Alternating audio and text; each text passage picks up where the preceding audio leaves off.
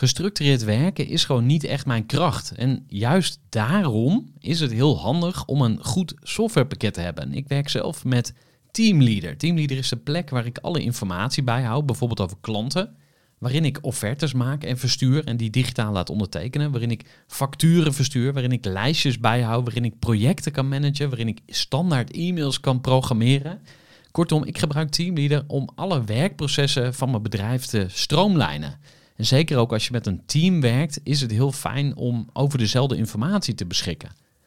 Nou, als je ook benieuwd bent of er mogelijkheden zijn om jouw bedrijf meer te stroomlijnen, of je nu alleen werkt of met een team, ga even naar teamleader.nl slash groeivoer en je kunt dan vandaag nog een trial starten voor twee weken lang, gratis. En je kunt Teamleader volledig uitproberen. En na de proefperiode krijg je ook nog zo'n leuke korting als luisteraar van Groeivoer. Ga naar teamleader.nl slash groeivoer.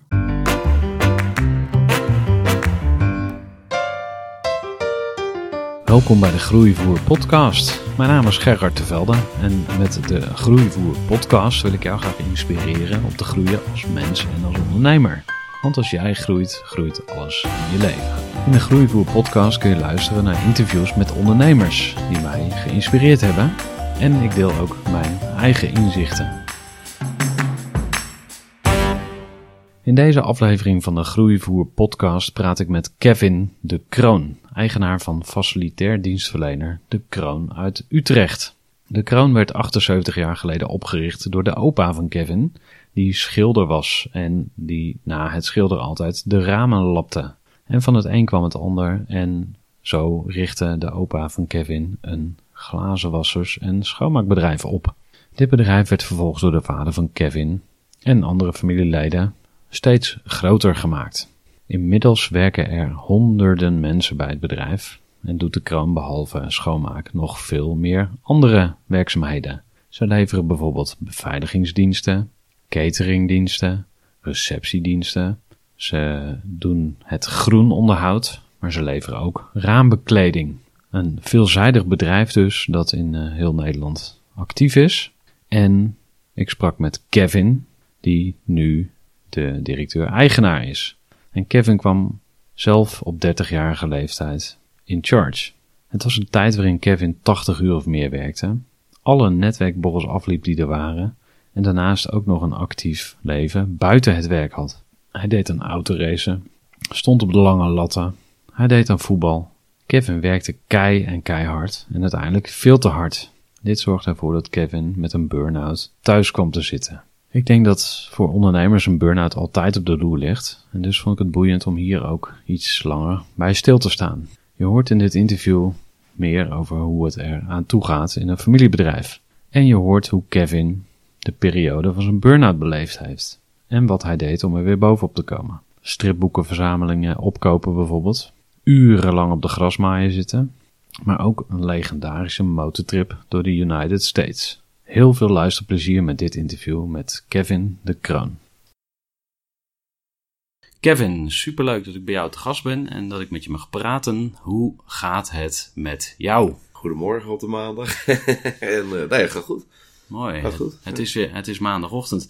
Kan je eens uh, vertellen waar we zijn op deze mooie maandagochtend? Jazeker, je bent op het hoofdkantoor van de Kroon Facilitaire Diensten in het Utrechtse. Uh, dat is eigenlijk de plek waar het 78 jaar geleden begonnen is. Waar het wellicht ook nog 78 jaar doorgaat. Oud familiebedrijf. Derde generatie, de kroon uh, nou, aan het roer. Ja, ja, ja, ja, We zien hier hele mooie portretten hangen. Is, is dat ook familie van Nee, nee, nee, nee. Dat is toevallig, uh, dat, dat, is, dat is gewoon familiespul. En dat heeft bij mij thuis gehangen. En uh, nadat het van de muur afging, heeft het ergens anders gelegen. En toen kwam er een stel tieners langs en toen werd het beschadigd. En toen had ik eigenlijk zoiets van, ja, op het moment dat ik het thuis laat liggen met allerlei tieners in huis, dan, dan is de kans dat het uh, meer beschadigd uh, aanwezig. Dus ik heb, uh, ik heb het laten restaureren en in mijn nieuwe kantoor gehangen, waar we nu zitten eigenlijk. Wow. Maar rechts achter je ja. hangt mijn opa, dat is de, de founder als het ware. En, en ja, daar hangen de tweede en de derde generatie. Wow. je ziet mezelf met wat meer haar.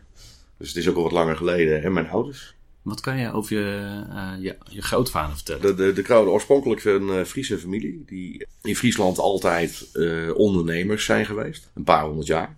Dus het is echt wel altijd, iedereen in die familie is altijd zelfstandig geweest, laat me zo zeggen. In, in allerlei branches, zover ik weet. Zelfs ook in de horecabranche. Maar in ieder geval, mijn, mijn overgrootvader, die had een bouwbedrijf. Ook van generatie op generatie in Friesland. En die is in de, ja, de crisisjaren van de vorige eeuw, is die failliet gegaan. En toen is de familie is, is naar de grote stad getrokken. Dus van, van het Friese platteland naar Utrecht. Nou, hier in Utrecht. Eh, mijn vader, of mijn, mijn grootvader, die was, ja, die zal tiener plus geweest zijn. Ja, die is hier gewoon als schilder aan de gang gegaan. Uh, voor iets wat hij kon. Uh, mijn oma tegengekomen. Ja, en, en een leven gestart. En, en vanuit het schilderwerk, net voor de oorlog. Hij deed ook al ramen zemen bij. Dat hoort bij de schilderwerk. Je schildert kozijntjes, je maakt daarna de ramen schaam. Nou, zover, zover het verhaal aan mij bekend is en verteld is en overgeleverd is, is dat voor de oorlog ja, nou ja, de vraag naar schilderwerk, verbouwingen, nou, noem al alles wat, wat, daarmee te maken heeft, uh, sterk afnam. En uh, nou ja, had uh, inmiddels ook drie, vier kinderen. En toen is hij gaan zemen. Dus is hij echt ramen schoongemaakt. maar hij deed er ook al wat onderhoud bij. De zonwering. Want ja, hij stond, hij stond aan de gevel. En die dingen die gingen vroeger zwinters naar binnen en dan werd het geschilderd. Hè, houten, houten producten met, uh, met linnen doeken. Want je hebt ook een bedrijf in zonwering dus? Ja, we hebben ook uh, binnen de groep hebben we een bedrijf in zonwering. En dat doet mijn broer uh, op het ogenblik. Ja. Dat is echt een zonweringsman. Dus dat, dat is ook een, een punt van nou waar ben je nou goed in en waar niet. en wat, wat hebben de mensen nodig? De mensen hebben niet alleen een, een gezicht nodig of inspirerende leider, maar vooral iemand die weet waar het over gaat waar ze ook de ei kwijt kunnen. Die dus coachend uh, ja, mensen kan verbeteren, processen kan verbeteren, resultaten kan verbeteren, kwaliteit verbeteren, noem maar op. Maar is in ieder geval daar vandaan is, uh, is, is feitelijk het bedrijf zoals we het nu kennen begonnen. Officiële oprichtingsjaar is uit 1940. De eerste, misschien de eerste 20 jaar gewoon echt als glaaswasserij. Misschien schoonmaken van wat trappenhuizen erbij. We hebben nog steeds wat locaties waar we denk ik al 70 jaar schoonmaken. Waar ik ook nog heb schoongemaakt in mijn, in mijn jeugd. Uh, waar mijn kinderen nog niet schoonmaken, want die, die laat ik vooral uh, wat meer op school zitten, als dat mijn generatie meegekregen heeft. En, en door, nou ja, uiteindelijk kwamen er elf kinderen in het gezin van mijn Zo. waarbij, nou ja, er, er natuurlijk allerlei kinderen in het bedrijf aan het werk waren.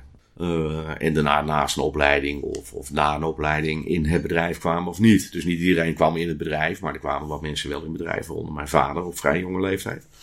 Want uh, hoe, hoe oud was uh, je vader toen hij dan in de zaak ging? Mijn vader was 14. Oké. Ja. Die, en jij, hoe oud was jij? ik ben op mijn 14e begonnen met echt officieel vakantiewerk. En, en ja, ik ben letterlijk opgegroeid in de, in, in de auto en op de werkvloer. Want ik vond het, mijn moeder die deed op een gegeven moment uh, controles. Uh, nou, waar we het net over gehad Schoonmaak, hebben. Uh, schoonmaakcontroles. Ja, schoonmaakcontroles, ja, maar begeleiding, andere tijd, andere markt. bedrijven die begonnen op 10 vierkante meter en die, die groeiden zo hard. Dat werd op een gegeven moment 1000 vierkante meter en 10.000 vierkante meter, meerdere vestigingen. En nou, in die tijd deed mijn moeder vooral ze start van de echte schoonmaakactiviteiten. Dus niet zijn de trappenhuis, maar echt de bedrijfsmatige schoonmaak. Die heb ik dus ook nog meegemaakt als kind. Daar ben ik echt van opgegroeid. En ik vond het altijd zielig dat mijn moeder met name na een dag werken ook s'avonds nog eens een keer op pad moest. Om ja, richting de medewerkers te gaan. En, en ja, eh, als kind, als kleinkind, dus ik denk zeker vanaf mijn tweede, derde, vierde, ging ik s'avonds ook mee. Ah, joh. En dan soms moest ik in de auto blijven zitten en ook heel vaak zat de hond erbij. Dus dan zat ik samen met de hond in de auto. Uh, maar nog vaker werd ik dan meegenomen, kantoor in. Ik werd ergens achter een bureau neergezet met een uh, vel papier en een stift. Daar gaan we kleuren en tekenen. En een half uur later werd ik weer opgehaald. Ja. En dan, dan gingen we naar de volgende klus. Ja, ja, ja. en, en ja, zo groei je erin op. De kleine Kevin, wat, uh, wat voor jongetje was dat? vrolijk jongetje. Ja? Ja. Ja, vrolijk en een clown. Dat was, uh, zo zie ik mijn jeugd ook hoor. goede omstandigheden. Opgegroeid letterlijk overal. dus ik denk niet op één locatie, want, want ja, het bedrijf zat in Utrecht. ouders altijd aan het werk, kinderen dus ook mee. Uh, en niet alleen ik, maar ik zie ook bij neefjes en nichtjes, hè, was dat ook zo. Nou ja, school, wij spreken in Maarsen, woonachtig in Tienhoven. Ja, en uiteindelijk ook, ook in het bedrijf aan het werk. Hè. Dus met name schoolvakanties. Nou ja, uh, te klein om, om alleen thuis te laten, maar ook geen oppas hebben. Nou, daar ging je mee. En dan werd ik ook vaak als, als jochie van 8, 9, mocht ik mee met ja, wat de uitvoerende medewerkers. Van nou joh, neem Kevin maar mee, hè, want er is geen ziek. Nou, neem Kevin maar mee. Je kan vegen of wat dan ook. En, en, aan de slag. En het is nooit een verplichting geweest, maar het is iets wat er zo in zat bij me. Want ik vond het ook leuk. En ik heb ook uh, heel lang, echt heel lang, tot vrij recent, heb ik ook altijd, veel, al, al moest ik een postzegel plakken. Als het nuttig was, dan vond ik het leuk. En, en vanuit mijn ja, uh, toch ziekte en herstel maak je dat op een gegeven moment wel mee. Dat je, dat je denkt van, hé, hey, maar waarom vind ik het niet meer leuk? Dus dan stuurt je ook wel weer om het te doen van andere dingen. Kan je nog herinneren de eerste moment eh, waarop je het niet meer leuk vond? Of uh, een voorbeeld uit die periode? Nou, ik ben echt. Ik, ik, ben opgegroeid in een hecht familiebedrijf. Waar op een gegeven moment toch wel wat scheurtjes kwamen in de onderlinge verhoudingen. Uh, vanaf dat moment, ja, ik ben, ik ben er een van verantwoordelijkheid. Dus ja, waar een ander het liet liggen, ging ik het oppakken. Ik had ook nooit officieel promotie gehad of gekregen of wat dan ook. Want ik heb het alle genomen. Dus dat, dat typeert mijn, mijn persoonlijkheid ook. Ja, en toen had ik op, op vrij jonge leeftijd, ik denk op 26-jarige leeftijd, had ik echt wel de hele organisatie op, op, op mijn rug liggen. Maar ja, je bent jong, je hebt energie, je weet niet beter, eh, je vindt het leuk. Je vindt het vooral leuk. En aldoende leer je. Dus vanaf dat moment heb ik eigenlijk ook voor mezelf te weinig begeleiding gehad en meer ja, alles meemaken. Met goede en slechte dingen hoor, dus met vallen en opstaan letterlijk. En op, op 30-jarige leeftijd had ik het bedrijf overgenomen. Ja. ja omdat daar... Uh, ja, een broeiering plaatsvond in, in, in, tussen wat, wat familieleden. Met name tussen de aandeelhouders die er op dat moment in zaten. Het waren dan ooms en tantes? Uh, nou ja, in dit geval waren het uh, mijn, mijn, ouders en, en, en een oom en tante. Maar daarin zit ook nog, natuurlijk nog heel veel familie die er wat van vindt. En, en op verschillende functies en betrokkenheid. Dus, dus er komt heel veel emotie bij. En dat zijn echt wel zware jaren geweest. En niet alleen voor de betrokkenen of vanaf, vanaf het officiële deel. Op het emotionele deel. En dus zo, zo ervaar ik het ook. Dus niet alleen van nou, ik moet in één keer het werk doen voor vier man die er niet meer is. Plus nog eens keer je andere, je eigen dingen. Maar ja, dat ging ook privé door natuurlijk. Dus je was 24 uur per dag was je bezig met alleen maar negativiteit. En uiteindelijk, nou, dat, dat op zich door. Het zijn allerlei processen. En, en binnen, binnen al die processen worden er keuzes gemaakt. En dat heeft uiteindelijk in geresulteerd dat ik eind 2002, formeel begin 2003, het toenmalige bedrijf overnam. Nou, dus dan ben je 29, 30. Uh, en we hebben echt in drie weken tijd hebben een deal moeten regelen. Uh, waarbij het over miljoenen gaat uh, qua waarde en, en, belangen en noem het op. Van wie kocht jij het bedrijf dan over? Uiteindelijk kocht ik het bedrijf van mijn ouders over. Ja, dus ja, maar die moesten eerst de, de, de, de, familie uitkopen als het ware. En, en, in dezelfde handeling nam ik het bedrijf over. En dat, dat had puur te maken, mijn drijfveer zat op toen de tijd niet zozeer in het bedrijf en ik ga het voortzetten, noem het op, als wel over de mensen en collega's in het bedrijf. Die dan ook al vaak tweede of derde generatie waren. Ja, en met hart en ziel zich elke dag inzetten. Dus ik, ik, mijn drijfveer is, is vanaf dat moment ook geweest van uh, A voor mijn ouders, uh, uiteraard voor ons gezin. Maar met name ook voor de mensen die wij in het bedrijf hadden lopen. En ik was jong en ik vond alles nog leuk. Ja. En ik had dromen, hè, want, want ik nam uh, ja, toen de tijd drie bedrijven over drie branches. En inmiddels doen wij zes, zeven branches. Ja. Dus ik ben daarna gaan ondernemen. Werd er toen nog geld verdiend in de schoonmaak? Of? Ja, zeker. Ja, dat was nog in een periode dat uh, je vooral op de wijze waarop wij werkten. Uh, je kon twee kanten op. Je kon heel erg groeien, dus dan dat je echt naar kwantiteit toe moest en nou ja, wellicht waarde creëren in de markt. Maar er is bij ons altijd gestuurd op ook gezond werken. Je bent als ondernemer al 24 uur per dag bezig. Zit in je bloed, zit in je DNA, dus, dus werk privé bestaat al niet. Uh, dus er is altijd heel erg gestuurd op continuïteit en, en, en rentabiliteit. Nou, en dat, dat laatste, dat zie je dat het steeds moeilijker werd. Nou, dan kom je weer terug van ja, hoe meer uh, de politiek zich bemoeit met het bedrijfsleven. Dat, dat heb je in de jaren vooral gezien. Uh, het naar pappen en nat houden ging. Wellicht zijn we allemaal verwend. We hebben allemaal luxe. We klagen allemaal, maar we hebben allemaal ongekende luxe. Dat, vergeten we wel eens. Nou, maar dat moet ook betaald worden. Dus het houdt in dat als ik boven in de boom ongekende luxe kent, dan is het de consument die ergens anders mijn rekening betaalt. En, en vice versa. Ik betaal ook voor degene die uh, onderin die boom zit. Dus dat is heel mooi, maar dan je moet het wel in verband houden. Je moet wel weten waar wordt geld verdiend, waar liggen de belangen. Uh, maar hoeveel geld moet je verdienen om het leuk te hebben. Dus dat zijn ook allemaal dingen waar ik mee bezig ben geweest. En niet, ja. niet, niet in die periode. Dus van, ja, je handelde op hetgeen wat je wist en wat je kon. En de rest maakte je mee en dan vond je wat van. Ja. Wie waren jouw leermeesters in het uh, bedrijf? Ja, eerst mijn oom. Wat heb je van je oom geleerd? Nou, dat heb ik, dat heb ik met name het schoonmaakvak uh, geleerd. En daaromheen het, het toezichtvak. Dus, dus wellicht het hele operationele deel van, van met name de schoonmaak en de reiniging en alles wat erbij zit. En van mijn ouders heb ik, ik denk van mijn vader zeker, het ondernemen. En mijn moeder was ook heel ondernemend, maar die moest helaas vroegtijdig stoppen wegens gezondheidsproblemen. Dus en, en, en mijn vader die een stapje terug deed omdat mijn moeder niet goed was. Dus, dus, dus waar je normaal gesproken wellicht nog een jaar of vijf, zes, zeven onder begeleiding door had moeten groeien, is er bij mij in één keer de omstandigheden gekapt. En was het meer van, nou ja, zoek het maar uit. En iedereen was ook gewoon op dat moment uh, emotioneel lam geslagen. Je, je, je, komt uit een proces wat 2,5 jaar uh, geduurd heeft. Maar al een hele aanloop heeft gehad natuurlijk. Ja, en ik was die jonge hond die dan dat opzij kon zetten.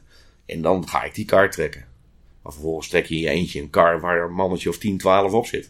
En die zegt van nou, ik vind het wel prima dat Kev die kar trekt. Ik zie het wel. Daar ben ik te veel aan voorbij gelopen. Dus ik heb te veel op mijn schouders genomen. Ik ben te lang doorgegaan. Ik heb daarin, dus, dus feitelijk, achteraf gezien in mijn slechtste jaren qua gezondheid, heb ik het meeste gedaan. Bedrijven begonnen, samenwerkingen gezocht, uh, ingezet op groei. Van nou, waarom doen we het alleen in grote regio Utrecht? Want we hebben heel veel relaties. Uh, nou, die vragen regelmatig, kunnen jullie dit, kunnen jullie dat?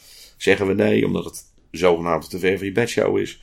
Waarom zeggen we in godsnaam nee? Want nou ja, we hebben mobiele telefoons inmiddels. We nou, laptops kwamen of weet ik veel wat. Hè? Dus het mobiele werken, dat kwam steeds meer in. Nou, toen zijn we gaan verbreden in geo geografische lijnen als het ware. Maar in de tussentijd ook verbreden in dienstverlening. Nou, dat was een NN verhaal. achteraf gezien had ik dat gewoon niet moeten doen. Even een korte onderbreking met een belangrijke vraag aan jou. Want wat heb jij geregeld voor het geval je van de ene op de andere dag zou komen uit te vallen? Wat gebeurt er dan met je bedrijf, maar vooral wat gebeurt er met jou persoonlijk en ook in financieel opzicht? Samen met ASR voerde ik drie openhartige gesprekken over tegenslag en veerkracht. En dat deed ik met Saskia, Vincent en Pieter. Ondernemers met een bloeiend bedrijf die van de ene op de andere dag niet meer konden werken. En die verhalen hoor je in aflevering 256, 257 en 258 van deze podcast. Als ondernemer wil je natuurlijk niet uitvallen. En daarom is het belangrijk dat je veerkrachtig bent, want voorkomen is beter dan genezen. En als het dan toch misgaat, is het fijn dat je iets geregeld hebt, zodat je weer snel door kunt met ondernemen. Wil je weten hoe veerkrachtig jij nu bent? Vul dan in twee minuten de veerkrachttest van ASR in. Ga naar asr.nl/slash veerkrachttest ondernemers. Heb je ook een les voor ondernemers die nu luisteren uh, op dat punt? Nou, focus hou je focus. bij ons is het altijd, ja, de, laat ik zo zeggen, de successen van een bedrijf binnen een groep financieren vaak de start van een ander bedrijf. Maar je hebt constant de focus nodig. Hoe pak je dat aan? Want ik denk dat heel veel ondernemers weten dat ze moeten focussen. Dat zeggen mensen ook vaak. Maar hoe, hoe, uh, ja, het is, hoe maak je dat concreet? Het zijn een beetje modewoorden, hè? laat ik zo zeggen. Maar je, je, leert ook. Ik wil dingen terugbrengen naar het begin. Gewoon zoals het was. En zoals het gezond was voor iedereen die er bezig was. Maar ook vooral vooruit jezelf. En dat je dingen doet waar je ook zicht op blijven hebben. Ik had vroeger, had ik bij wijze van spreken, gemiddeld per dag zeker 100, misschien wel meer, taken. Nou, er kwam elke dag kwam erbij. Nou, een dag vrij kostte mij gewoon, uh, was geen dag vrij, er was gewoon een dag erbij. Dat, zo werkt dat. Uh, omdat je gewoon te veel ja, deed, wilde, noem het op. Maar feitelijk en vooral in de dienstverlening, je bent afhankelijk van de mensen die, die het voor je moeten doen. Nou, als je daar je zicht op kwijtraakt, eh, je contacten. Ik liep heel ver voor die groep, voor die troep uit. Ja. Eh, en, en dan keek je af en toe naar achter en dan zag je er wel een paar nog lopen. Dan denk ik, oh ja, als je ik ben nog in zicht, dus het zal wel goed gaan. als je het vroeg, zo je, oh, maak je geen zorgen, komt wel goed. Maar er komt een moment, een beetje kwijt. Dan zijn ze jou kwijt. En dan gaan ze weer terugvallen naar oude gewoontes. En jij denkt dat ze inmiddels alweer nog steeds doen wat, wat, ze, wat ze moeten doen. En, en, en ja, uiteindelijk weet niemand meer hoe dingen lopen. Nou, dus dan wijk je ook daarin af van je primaire processen en kom je meer op de secundaire processen uit. Dat je daarop gaat, gaat sturen. Van ja, maar als, als de lijnen maar gevolgd worden en als de processen maar gevolgd worden. Maar het gaat niet meer over hetgeen wat je doet. Waar je dus feitelijk het geld mee moet verdienen. Kom je nog verder van de bedoeling ja. af eigenlijk. Ja. Nou, en dan, dan, ja, er komen de momenten, en die heb ik in 2013, 14 gehad. Dat ik echt dacht van, ja, oké, waar zijn we nou mee bezig? Ja. Want ik kan wel alles willen. Maar feitelijk blijkt dus dat de organisatie niet alles aan kan. Nou, dan zag je ook dat mensen in de stress eh, kwamen en, en weet ik het allemaal. En in de tussentijd was je zelf ook aan het afbranden. In, in de jaren dat ik, dat ik al ja, dat, dat een beetje half aan het ziek worden was. Hè. Je krijgt allerlei signaaltjes, maar die negeer je. Uh, maar je sport, je werkt, maar je drinkt, uh, je rookt. Dus je ging hard uh, op alle terreinen? Ja, hard op alle terreinen. En dan zie je dat, dat uiteindelijk die hele balans weg is. Ik, ik, ik riep thuis wel eens van, joh, ik ben jaloers op mensen die, bij spreken, een modelspoorbaan op zolder hebben. De werk doen, thuiskomen, een hap eten naar binnen gooien.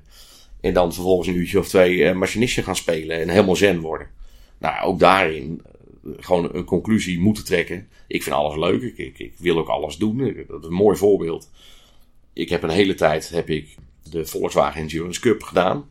Met wat mensen. Nou, dat waren uh, races, autoraces. Minimaal 4, maximaal 24 uur. Nou, met anderen. En ze kregen mij die auto gewoon niet in. En niet omdat ik dat racen niet leuk vond, maar omdat ik eigenlijk al zo moe was. Dat ik wist van nou, ik moet nu wat doen. Wat uitput letterlijk uitput. Dat komt niet goed. Dat komt niet goed. Dus het is het lichaam wat toen al aan het protesteren was. Maar de geest die dusdanig sterk is, vooral in mijn geval. Van ja, hoppakee, aan de kant. Want we gaan het doen. Nou ja, het naar een circuit toe.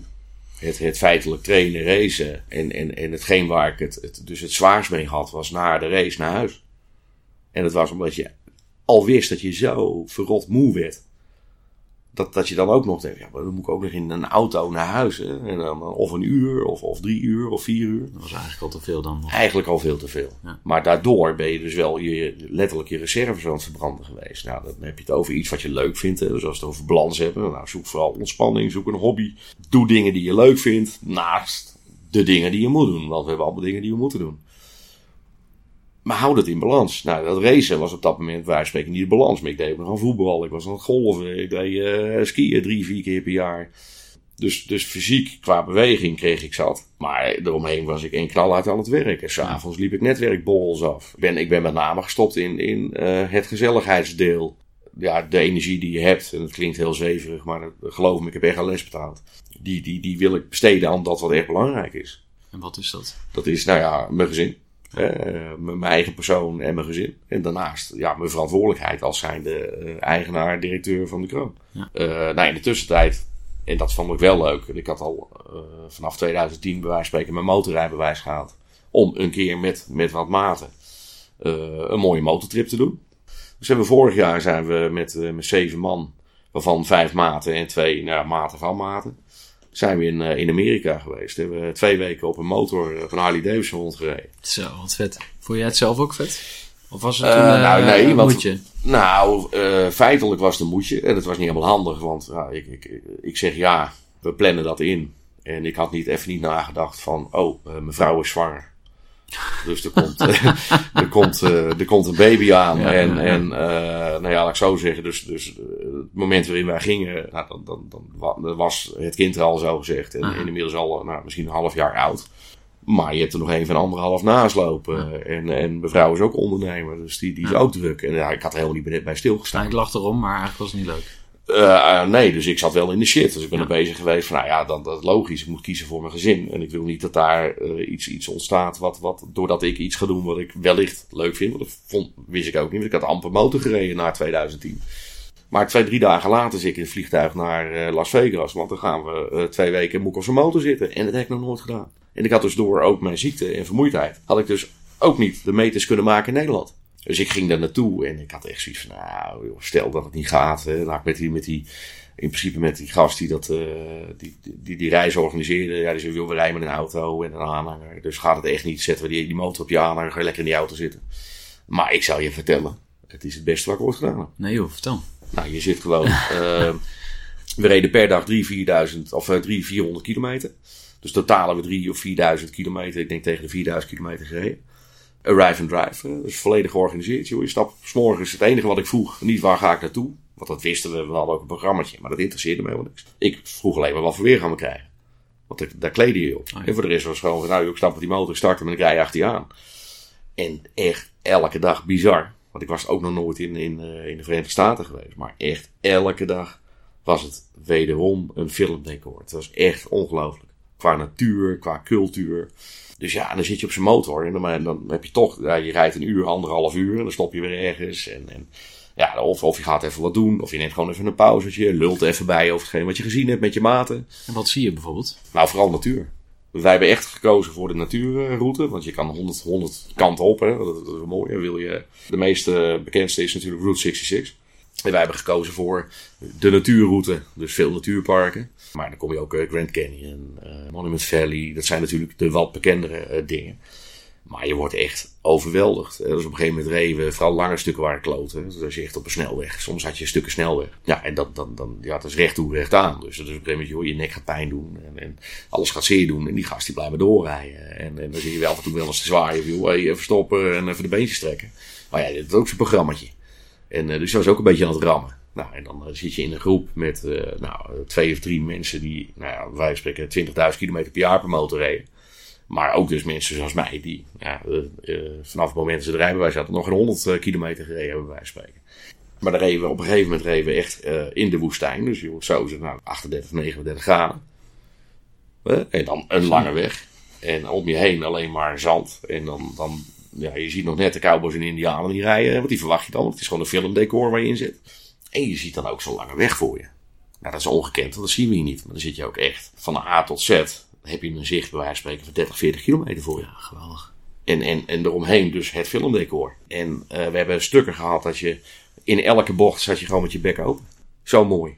En dan, dan uh, af en toe eens even kunstmatig een, een fotootje nemen tijdens het rijden of tijdens stoppen. Je Nou, krijgt hem niet op je foto. krijgt hem er niet op. Nee. Echt niet. Nee. En ik had elke dag mijn vrouw aan de telefoon. En ja, eh, de- de- de- hoe is het? En, eh, waar zijn jullie? En noem het op. Ik zeg, nou, ik zeg, ik heb echt het idee dat ik gewoon in een film rij. Alleen ik mis de cowboys, letterlijk de Ja. cowboys en indianen.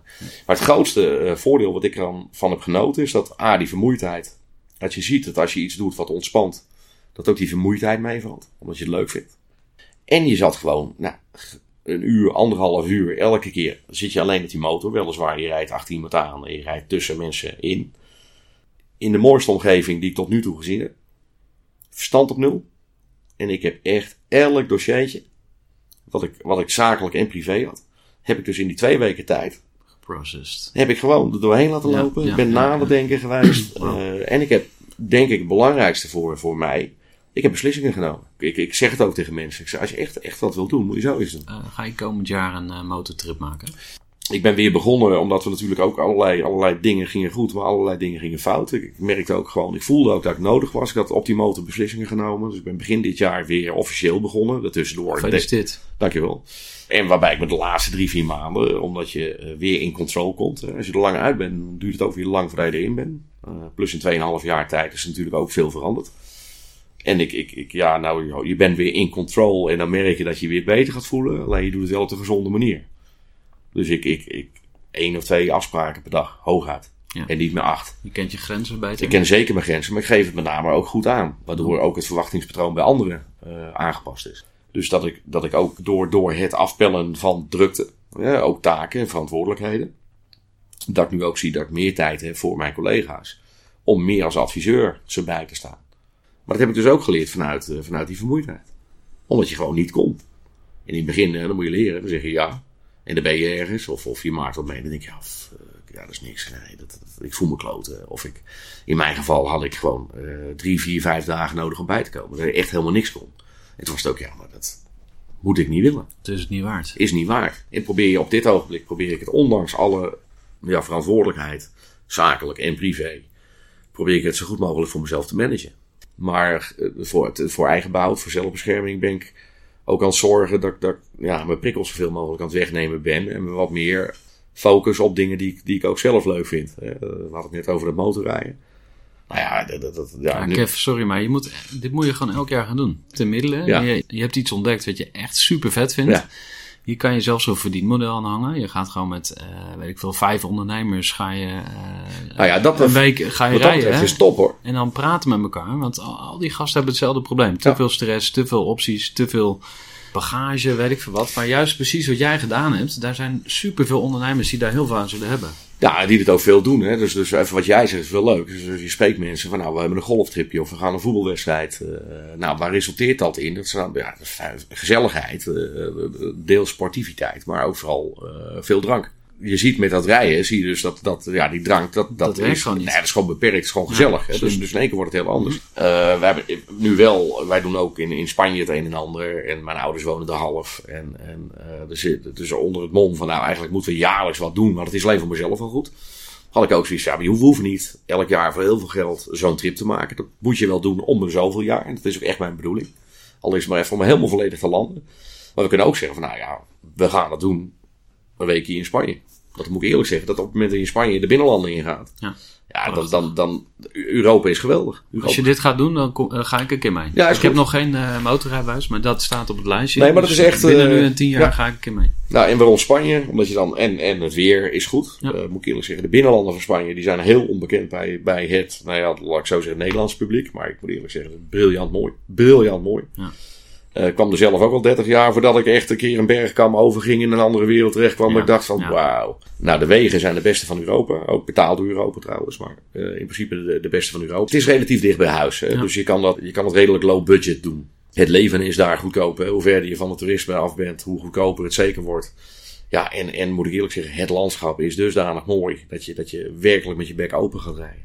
En de mensen zijn super vriendelijk. Want het is gewoon Europees. Ik heb er al zitten denken om die oude motor die ik hier heb, bij wijze van spreken, in Spanje neer te gaan zetten. Eh, maar dat hoeft niet, want dezelfde oude motoren, die koop je daar weer.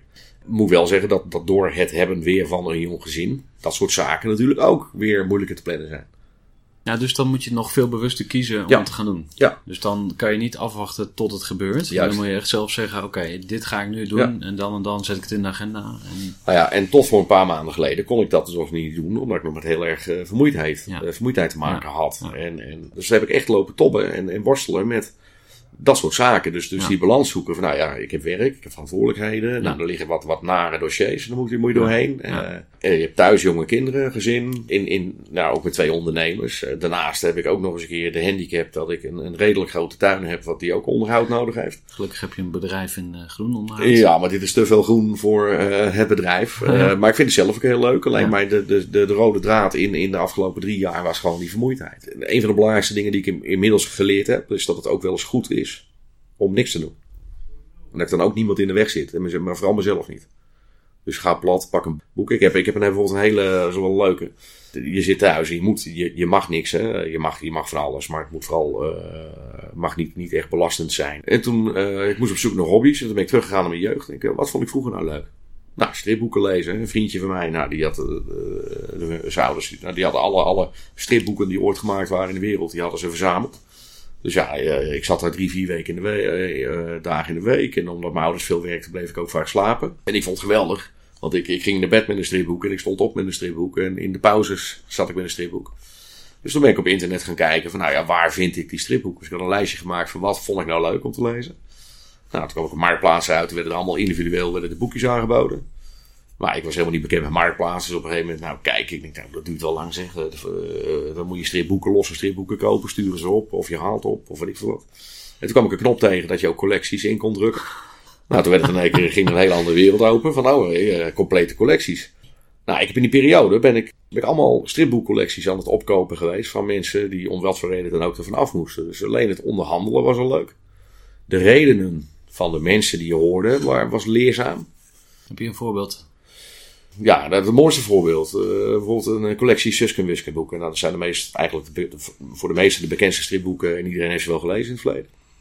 Die werden bij wijze van spreken, de, van A tot Z, de complete eh, collectie, werd, werd bij wijze van spreken aangeboden voor gemiddeld 900 euro, 1000 euro. Maar er zaten ook collecties bij die misschien met wat minder speciale uitgaven. En, maar er werd nog steeds 500, 600 euro voor gevraagd. En, en ik had een keer zo'n bod gebracht, eh, uitgebracht op, eh, op hun collectie. Blijf staan in je, in je geschiedenis en, en eh, ja, dat zie je. Er werd ook niet op geboden. En op een gegeven moment vanuit het niets krijg ik een berichtje van... Nou joh, luister, ik accepteer je bod. Nou, ik, nou ja, leuk, prima. Waar moet ik heen? Dus naar ergens bij Arnhem. Dus alleen dat vond ik al leuk hoor. Ik ben heel Nederland doorgereden. Met de auto weliswaar, maar toch. Ja, ik had, een, eh, ik, ik had ook een, eh, een, een, een, Jaguar XKR had ik gekocht. En, en Silverstone uitvoering. En ja, een beest van een auto. Dus het was ook gewoon hobby om in, de, in dat ding te rijden. Lekker over de wars, over de rotonde. Ja, geweldig, joh, geweldig, man. En, en vooral als je die, die sportknop indrukt, hè, joh, dan, dan... Maar uiteindelijk, ik kom, ik kom daar in Arnhem. Ik, ik, ik, ik parkeer voor een, een uitvaartorganisatie. Dus ik denk nog van, ja, zit ik hier wel goed? Nou, aanbellen. En mensen doen ook. Ik zeg, ik kom voor die en die marktplaats, collectie stripboeken. Nee, dan zit je goed. Ja, dat is een, een collega van ons, die woont hierboven. En zo, zo, zo. Nou, die man, die gaat dus weg die, die zat te vertellen van nou, ik ga met pensioen en ik ga wonen in Indonesië. Maar ik kan die boeken niet meenemen. Die stond het eigenlijk met tranen in zijn ogen te vertellen. Dus ik al van ja joh, maar dan, pak je toch in, neem je mee. Zijn hele leven had hij dus opgebouwd, hè, die collectie. Dus echt van jongs af aan. En hij was inmiddels dus in de 60. Uh, met allemaal speciale dingetjes erbij en noem het op. Ja, en ik, ik weet niet meer wat ik, wat ik geboden had hoor. Uh, maar ik zal, zal rond de, weet ik veel, 200, 250 euro geweest zijn. Maar ik hoorde het verhaal aan. En, en ik had echt zoiets van, ja, weet je wel, ja, ik, ik kan niet veel voor je doen. Hè, want dat is ook een beetje de ene dood, de andere brood. Jij moet er vanaf, eh, ik wil hem hebben. Maar ik leef met je mee, want hij kon het echt niet meenemen. Hij zei, ik ga er een heel ander leven leiden. Ik wil ze niet meenemen, ondanks ze dan zien verpulveren, bij spreken, tot aan mijn dood. Dus, dus ja, aan de ene kant heel triest dat ik daar een collectie wegkaper, want zo zie ik het dan. Maar dat je dan, ik kwam gewoon op plekken, dat, dat soort, en ik meerdere van dat soort dingen gehad. Uh, ja, gewoon geweldig. Nou, en het hebben van die boeken, dat, dat was voor mij dus echt iets van, nou, dan ga ik lekker op mijn gemakje uh, stripboekjes lezen. Ja. En dat heb ik ook gedaan. Alleen uiteindelijk, ja, we hebben gewoon een, een, een jong gezin thuis. Je bent gewoon, uh, als we op school zitten of op de kinderdagverblijf of wat dan ook, ja, die momenten probeer ik wel eens te pakken om te, te spijbelen. En dat ik dan zeg van, nou, ik ga s morgens wat doen. Dan ga ik smiddags naar huis. En dan ben ik altijd mobiel bereikbaar en ik volg mijn mail en noem het op. En dan ga ik vooral gras maaien. dan ga ik de dingen doen die ik leuk vind. Of dus op zijn motor zitten. Nou, dus, dus het afpellen van, van wij spreken hobby's en bezit tot hetgeen wat je daadwerkelijk leuk vindt en energie van krijgt. En daar dan ook zorgen dat je de omstandigheden creëert daar gebruik van kan maken. Geloof jij dat je het zelf creëert? Deels ja, deels, zeker. Groot, grotendeels of uh, nou ja, een klein kijk, deel ervan? Het, nadeel is, en dat heb ik ervaren, dat je eh, als ondernemer kan je niet met, met alle respect ziek zijn en herstellen. Dus je kan niet los van je bedrijf. Het bedrijf is altijd heeft je altijd gewoon nodig. Al is het maar voor tekenen van documenten, jaarverslagen. Ja, je zit er altijd aan verbonden.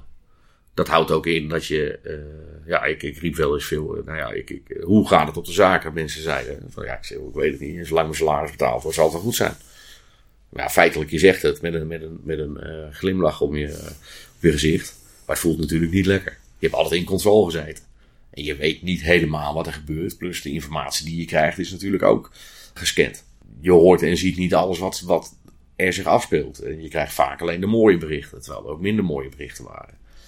En die heb ik volledig gemist daardoor. Dat is ook een van de redenen dat ik dit jaar weer begonnen ben. Is, is ik zou wat anders gaan doen, wel binnen het bedrijf, maar ik ben ook echt geschrokken van bepaalde zaken zoals die gegaan waren en de resultaten daarvan. Nou, daar ben ik tot voor, nou, ik denk zeker wel een maand, anderhalve maand geleden, ben ik daar ook echt mee bezig geweest. Ik hoor toch een beetje eigenlijk de nieuwe Kevin praten. Ja, zeker. Ja. Gefeliciteerd. Dankjewel. Ja, voelt het ook zo of niet? Ja, het voelt ook zo. Ja. Er zijn heel veel minpunten voor mijn afwezigheid. Uh, helaas. Maar als persoon ben er, is er, er is niks beters geweest voor mij als persoon. Dus uiteindelijk ook wellicht als leider van onze troepen. Dat ik eruit ben geweest. En ik ben echt niet een andere persoon geworden. Maar ik ben gewoon meer in balans gekomen. Ik denk dat ik een, eh, een betere leider en, en vooral een betere ondernemer ben. En op dit ogenblik moet ik ook zeggen dat we weer rustig. Ja, bloedgekruipt waar niet gaan kan. Dus dat ik, dat ik weer rustig mijn ideeënboekje aan het, aan het openen ben, die ik altijd bijhoud. Uh, en daar weer ga kijken naar nieuwe, nieuwe zakelijke dingetjes. Zonder te veel weg te lopen van de kern hier. Hè? Want dat, dat deed ik in het verleden fout dan, dan denken we nou alles geregeld, iedereen doet zijn ding, er wordt, er wordt goede winst gemaakt, uh, continuïteit gegarandeerd. Nou, ik ga wat anders doen. Nou ja, het probleem wat je, wat je hebt in mijn geval, je moet zo zien, ik ben nu 45, over drie weken word ik 46 en, en ik ben, ja, het ligt aan hoe je het ziet, maar vanaf mijn geboorte ben ik actief in dit bedrijf. En ik heb me ook altijd laten leiden door het bedrijf, door familieverantwoordelijkheid in het bedrijf, maar ook daarna als eigenaar of wat dan ook. Dat, dat, in creativiteit kan je zelf uh, ik doe, je moet soms dingen doen, of je hebt heel lang dingen gedaan die niet bij jou horen. Dus ik ben altijd onrustig geweest aan de achterkant van, van ik wil ook doen wat ik goed in ben. Ik, ik zou uh, professioneel bij de marine gaan. Maar doordat mijn moeder uh, ziek werd, nou ja, in de jaren negentig, de, de, economie was booming. Dat, dat, dat mijn vader gewoon uiteindelijk zei van ja, maar je kan niet weg. Het was wel de bedoeling was dat ik wat anders ging doen. Op avontuur, ja, letterlijk. Maar uiteindelijk, ja, het lot ja, had wat anders in petto. En ik heb daar natuurlijk in, ook in jeugdige naïviteit gekozen voor de verantwoordelijkheid in het familiebedrijf. En daarna ben ik al een ondernemer geweest om ook vooral te zorgen voor familie, maar ook mijn ouders en iedereen die eromheen hing. En, en nu moet ik, ja, misschien niet het juiste woord, maar gevoelsmatig een beetje verhufteren. Omdat ik in eerste instantie aan mezelf moet denken en mijn gezin. Ja. En daardoor kan ik nog steeds goed zijn voor de mensen om me heen. Maar first things first. En dat heb ik nooit gedaan. Nee. En dan moet ik ook eerlijk zeggen, je had het over, over de financiën, uh, over geld of wat dan ook. Ja, ik heb, mijn drijfveer is altijd te weinig uh, gelegen aan het feit van geld en luxe en allerlei andere dingen. Daar kom ik helemaal niks tekort hoor, dus dat moet ik ook zeggen. Uh, maar niet van, joh, ik, ik maak van, van een euro, twee euro en dan wil ik vier euro en dan verdubbelen, weet je wel. Dat is nooit mijn intentie geweest. Ik ben altijd aan het, beheren geweest in, een, in het familiebedrijf. Maar daardoor mezelf ook wel uh, dus vergeten. En ja. ja. daar kom je dan achter in, in de crisis. En doordat je uitvalt, je afhankelijk wordt van anderen. Op financieel vlak. Maar ook gaat nadenken, oké, vanuit herstel, wat prikkelt mij nou? En dan merk je ook dat je dus door een bepaalde levensstijl, wijze, huisvesting, weet ik het allemaal, dat je wel heel veel prikkels om je heen hebt. Hm. En die je gecreëerd hebt. Ik had vroeger, had ik bij wijze van spreken, in een petrolhead. Ja, ik had uh, vijf auto's voor de deur staan dus dus nou, daar waar je dagelijks zakelijk in reed, daar waar je privé mee reed, waar je ook geen zakelijke kilometers, uh, geen privé kilometers maakte. Nou, dat was dan altijd ook wel een leuke auto, bij wijze van spreken. Uh, hoeft niet nieuw te zijn, maar het moet wel een bijzonder ding zijn. Nou, dan heb je nog, uh, nog een hobbyauto erbij staan, uh, Jaguar of wat dan ook, waar, waar het alleen maar mooi was om naar te kijken. Dus laat staan rijden, dat is weer een ander, ander avontuur in een Jaguar, vooral een oude. En en, en tegelijkertijd dus ook de stress had door tijdgebrek. Ja, wanneer moet ik het doen? Maar het hebben, het bezit, het hebben van dat bezit, dat, dat, dat geeft dus dusdanig prikkels af dat je onrustig wordt, omdat het tijd kost. Maar feitelijk gaat het erom dat je uiteindelijk, uiteindelijk, en daar heb ik best wel wat discussie over, van we zijn met z'n allen zijn we er heel op, op gericht, en dat is ook heel normaal, om te groeien. We moeten groeien in ons werk, we moeten groeien in onze interesses, we moeten groeien in onze persoonlijkheid, we moeten financieel groeien, we willen groter wonen, groter rijden. Het geeft allemaal stress. En stress kan ook wel goed zijn hoor. Dus het is goed dat daar een bepaalde balans in gevonden gaat worden. Alleen uiteindelijk bouw je dus heel veel uh, bezit op. Dus prikkels. Nou, mijn ervaring is van, van breng het gewoon weer terug naar een normaal niveau. En dan ga je ook merken dat je prikkel niet meer hoeft te zitten in meer inkomen genereren. Maar feitelijk gewoon wat je ook zakelijk altijd zou moeten doen, dat vergeten we ook wel eens. Zorg dat je kosten laag blijven. En dat je daarin gewoon uh, rust gaat vinden. Nou, uh, hoef niet tering naar de nering te zetten, maar zorg wel dat je, dat je de druk op je leven uh, vermindert. Je ziet jonge, jonge mensen tegenwoordig. In welk, je hoeft geen ondernemer meer te zijn om heel druk te zijn. Hè? Je, hebt, je hebt ook onze carrière-tijgers. Nou, die worden goed beloond, bonussen. Maar brengen vier, vijf dagen in de week kinderen naar een kinderdagverblijf. Want ik moet vooral een carrière-tijger zijn. En daarnaast ben ik ook nog een persoon. Dus ik moet nog mijn vrienden, vriendinnen moet op stap. Uh, gezinstechnisch aandacht nodig. Drie, vier keer per jaar op vakantie ik moet nog sporten, maar ook mijn kinderen moeten ook sporten. Dus je wordt geleefd. En dit hoeft allemaal niet. Nou ja, wij hebben bewust uh, twee, twee jonge kinderen. Maar niet om ze, nou, we zijn allebei ondernemer, maar niet om ze naar het kinderdagverblijf te brengen. Wel kunnen blijven werken of niet kunnen blijven doen wat we, wat we ook moeten doen. Maar ook dus tijd uh, en energie in de kinderen kunnen houden. En, en, zonder dat je dat doet op je laatste restje, s'avonds en in het weekend en noem het op. Nou, daar hebben we wel keuzes in gemaakt en die, die leven we na. En, en daarin zijn we ook allebei heel flexibel naar elkaar toe. Van niet veel, oh, bekijken, dat is mijn dag of jouw dag of, of jouw middagochtend. Nee, uh, mijn vrouw is advocaat, die heeft uh, toevallig nu twee of drie weken achter elkaar heel veel zittingen gehad. En dan ook overal. Dus niet alleen in het Utrechtse, maar in Assen, in, in Rotterdam, Den Haag, Arnhem, weet ik het allemaal. Op dagen dat ze, dat ze normalitair, nou, of een dagdeel of wat dan ook bij de kinderen is. Nou, dan schuiven we gewoon. En voor mij is het nu makkelijker, omdat ik dus veel minder afspraken heb, hoef ik veel minder te schuiven. Maar ik schuif wel. Ja. Dus als ik een afspraak heb met iemand en, en nou ja, er wordt flexibiliteit gevraagd vanuit de gezinssituatie. Ja, dan, dan nou, ik zo zeggen, in 95% van de gevallen verschuif ik mijn afspraak. Ja, dus je stelt prioriteiten. Ja. En dat deed ik vroeger nooit. Maar dat kon ook niet, omdat ik te veel had. Ja. En, en nu, uh, ja, maar nou, nou is gewoon een bewuste keuze. Het kan. Uh, wat staat er in mijn agenda wat eventueel bloedspoed heeft? Ja. Nou, niks. Nee. Niks. Uh, wat gebeurt er wat eventueel bloedspoed heeft? Niks. Dus ik, ik zit veel rustiger ook te werken. En nu, nu weer de kriebels van het ondernemen krijgen. Maar meer vanuit een gezonde situatie. Uh, dus ik ben nou ook alweer met twee, drie projectjes bezig om op te zetten. Uh, maar het hoeft niet morgen. Dus ook die druk is er uh, uit. Weet je wel? Dus ja, ik, ik doe dingen structureel. Dus ik, ik, mijn agenda die, die is gewoon echt volledig in controle. Ik creëer daarin in, in, mijn, in ieder geval in mijn hoofd ook ruimte voor nou ja, wat omstandigheden, hè, dus zoals die dagelijks voorkomen. En ik plan dus nou ja, het projectmatige in. van, nou joh, dan bijvoorbeeld maandag heb ik even geen afspraken. Nou, Gerrit komt langs, gezellig achter een microfoon. Even lekker podcasten. Even podcasten. Hè, dus je hebt me ook uitgelegd wat het is. Nou, dat is helemaal geweldig. Ja. Ja, en, en, en ik, ik, ik ga straks gewoon, ik ga kijken waar ik energie, feitelijk energie in heb. Dus dat is even, nou ja, het is, we lopen al wel meer naar de middag toe. Nou, dan ga ik geen hele zware kost nemen. Nee. Uh, zo nog even, even een snackie, maar niet uh, grote dossiers. Nou, dus dan, dan ga ik kijken, wat heb ik als snackies liggen? En ook bijvoorbeeld de dag van morgen voorbereiden. Nou, dat heb ik, oh sorry. Maar dat heb ik nog nooit, dat heb ik nog nooit gedaan. Vallen is helemaal niet erg. Het weer op kunnen staan is een luxe. Af en toe geholpen worden, nou, daar moet je blij om zijn.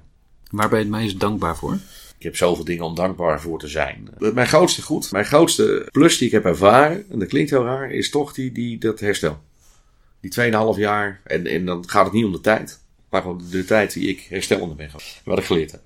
En dan niet uh, hoe ben ik zen, hoe uh, maak ik mijn spieren los en, en weet ik het allemaal. Maar met name hoe voorkom ik hartkloppingen, wie ben ik. Ik denk met name het wie ben ik verhaal. Dat ik mezelf weer deels gevonden heb en, en, en nog steeds, maar nog steeds ook wel voldoende overhouden om uit te vinden. Dus dat, dat, dat, dat, dat, dat, dat houdt je ook aan de gang. Ja, en toch de, de, de, de, een van de echt leukere dingen is, is toch dat, dat, dat, dat, dat, dat borreltje en het etentje met die gasten van de basisschool. Waarin je duidelijk gewoon ziet en bespreekt met elkaar dat je in wezen nog dezelfde bent. Nou, en, en wanneer ga je van de basisschool, hè, vroeger lagere school, ja, dan ben je 12 of zo, denk ik, 12, 13. En daarna vorm je, want iedereen waait het uit, terwijl je wel vanaf peuterschool met elkaar bent opgetrokken dagelijks. Heel apart dat je dan ook contact verliest. Hè. Uh, nou zijn die tijden toen waren wat anders dan nu. Want nu uh, heb je mobiel of app of wat ik voor wat, uh, of je bent gelinkt met allerlei andere dingen. Maar dat had je toen ook niet. Hè. Dus, dus ja, uit, het oog was uit het hart. Maar in het oog was weer in, is weer in het hart. En dan echt concluderen van, joh, luister naar wat ik net zei. Jij bent nog steeds de coole, jij bent de, de, de stoere. Nou ja, van jou weten we nog niet, maar je hebt ook een functie in die groep. En jij bent de clown.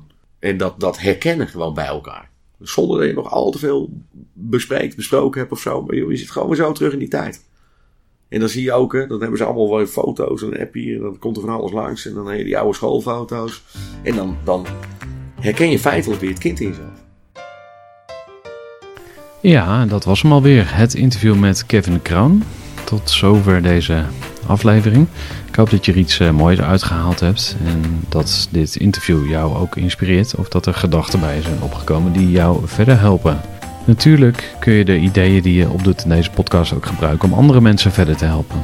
Als je het leuk vindt om mij te volgen, kan het via Instagram, Facebook, LinkedIn natuurlijk. En als je deze podcast leuk vindt, laat even een beoordeling achter. Je maakt dan ook meteen kans op een gratis exemplaar van mijn zakkompas voor een bruisend leven. Dit is een inspiratieboekje dat ik zelf gemaakt heb. En dat je ook kan bestellen via bol.com. Als je op bol.com zoekt op zakkompas, dan kom je tegen. Zakkompas is één woord.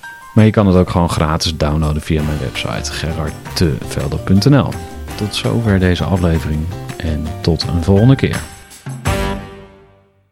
Gestructureerd werken is gewoon niet echt mijn kracht. En juist daarom is het heel handig om een goed softwarepakket te hebben. Ik werk zelf met Teamleader. Teamleader is de plek waar ik alle informatie bijhoud, bijvoorbeeld over klanten. Waarin ik offertes maak en verstuur en die digitaal laat ondertekenen. Waarin ik facturen verstuur, waarin ik lijstjes bijhoud, waarin ik projecten kan managen, waarin ik standaard e-mails kan programmeren. Kortom, ik gebruik Teamleader om alle werkprocessen van mijn bedrijf te stroomlijnen. Zeker ook als je met een team werkt, is het heel fijn om over dezelfde informatie te beschikken. Nou, als je ook benieuwd bent of er mogelijkheden zijn om jouw bedrijf meer te stroomlijnen, of je nu alleen werkt of met een team, ga even naar teamleader.nl/slash groeivoer en je kunt dan vandaag nog een trial starten voor twee weken lang, gratis. En je kunt Teamleader volledig uitproberen. En na de proefperiode krijg je ook nog zo'n leuke korting als luisteraar van Groeivoer. Ga naar teamleader.nl slash groeivoer.